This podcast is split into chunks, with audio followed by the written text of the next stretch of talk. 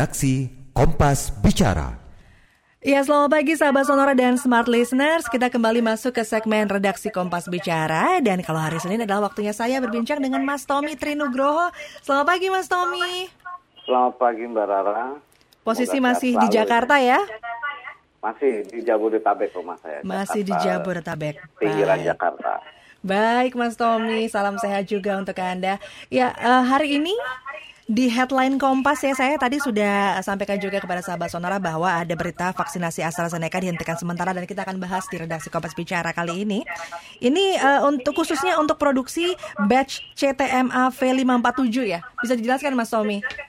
Ya, jadi memang uh, ini merupakan respon baik ya uh, terhadap laporan adanya seorang korban uh, ya yang menjadi jadi orang tersebut menjadi korban setelah saat sebelumnya disuntik dengan uh, vaksin AstraZeneca.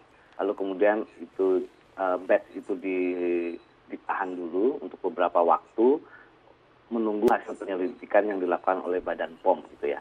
Mengapa hmm. harus diselidiki? Karena pertama ini untuk memastikan bahwa uh, korelasi antara peristiwa tersebut dengan vaksin tersebut. Lalu yang kedua juga ini untuk uh, menepis sebenarnya untuk menepis uh, rumor yang tidak tidak tidak mendukung ya proses vaksinasi karena bagaimanapun AstraZeneca ini merupakan vaksin yang kita butuhkan gitu ya.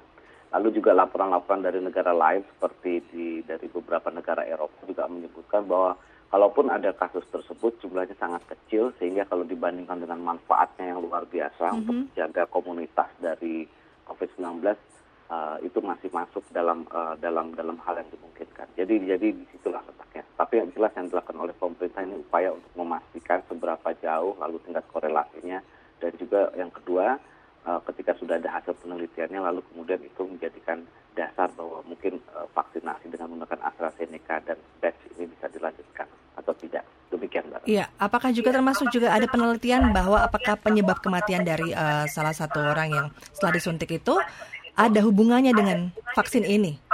Ya, betul sekali. Uh, itu itu yang sudah diteliti lalu gejala-gejala gejala-gejala tersebutlah yang coba disimpulkan. Seperti yang sudah dilakukan di Eropa seperti ada gejala pembekuan darah ya itu, itu juga gejala yang ditemui uh, terkait dengan vaksin tersebut. Lalu kalaupun itu ada kaitannya lalu diakui bahwa uh, manfaatnya masih jauh lebih besar daripada kasus-kasus yang terjadi. Artinya sangat kecil. Apakah bisa dibilang cukup terlambat penang, uh, penghentian ini, Mas Tommy? Sejauh ini uh, menurut saya penghentian ini kan juga tentunya harus berdasarkan laporan, lalu kemudian dipastikan bahwa memang uh, dugaan ada keterkaitan sehingga baru kemudian uh, diputuskan untuk dihentikan sementara saat ini. Uh, soal terlambat atau tidak tentunya ini menyangkut dengan kehati-hatian ya, karena kalau yeah. ketika terlalu cepat juga uh, kurang baik lalu ketika terlambat juga tentunya itu akan menjadi hal yang uh, tidak menguntungkan dengan program pemerintah ini. Hmm, baik, kita akan terus menunggu ya bagaimana hasil dari uji coba yang kemudian dilaksanakan oleh BPOM ini mengenai AstraZeneca selanjutnya seperti apa. Mas Tommy, hari ini Kompas juga mengangkat mengenai penutupan sejumlah tempat wisata nih. Ya, eh, pasca membludaknya kemarin jumlah wisatawan pada saat liburan lebaran, begitu ya.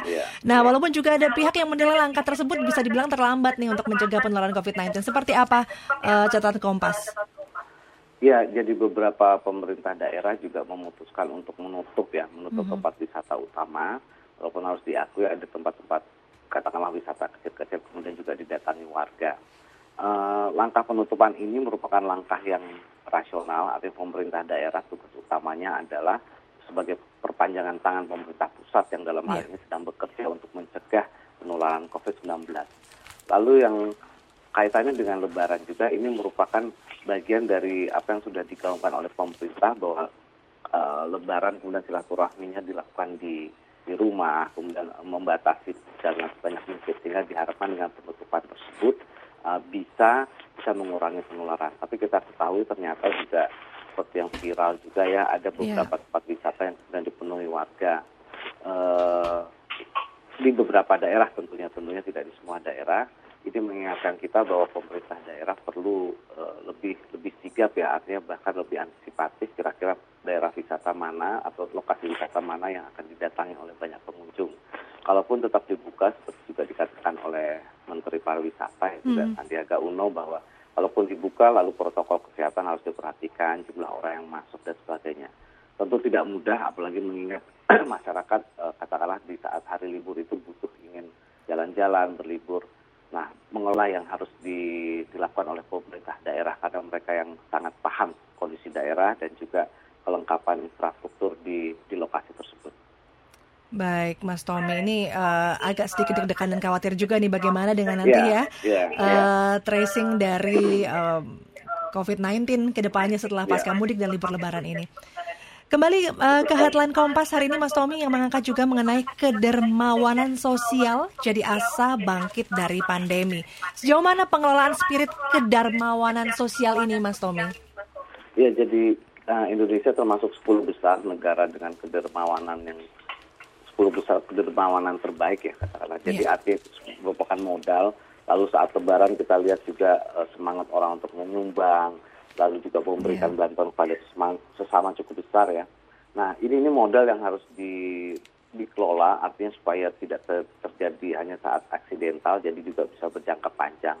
Lalu sumbangan-sumbangan ini juga diharapkan tidak hanya bersifat uh, karitatif yang artinya habis pada sehari dua hari gitu ya, tapi dikelola kemudian bisa jangka panjang sehingga bisa membantu masyarakat yang kekurangan untuk hidup lebih baik, memiliki penghasilan yang lebih baik sehingga katakanlah lebih berdurasi atau sustainable bantuan tersebut.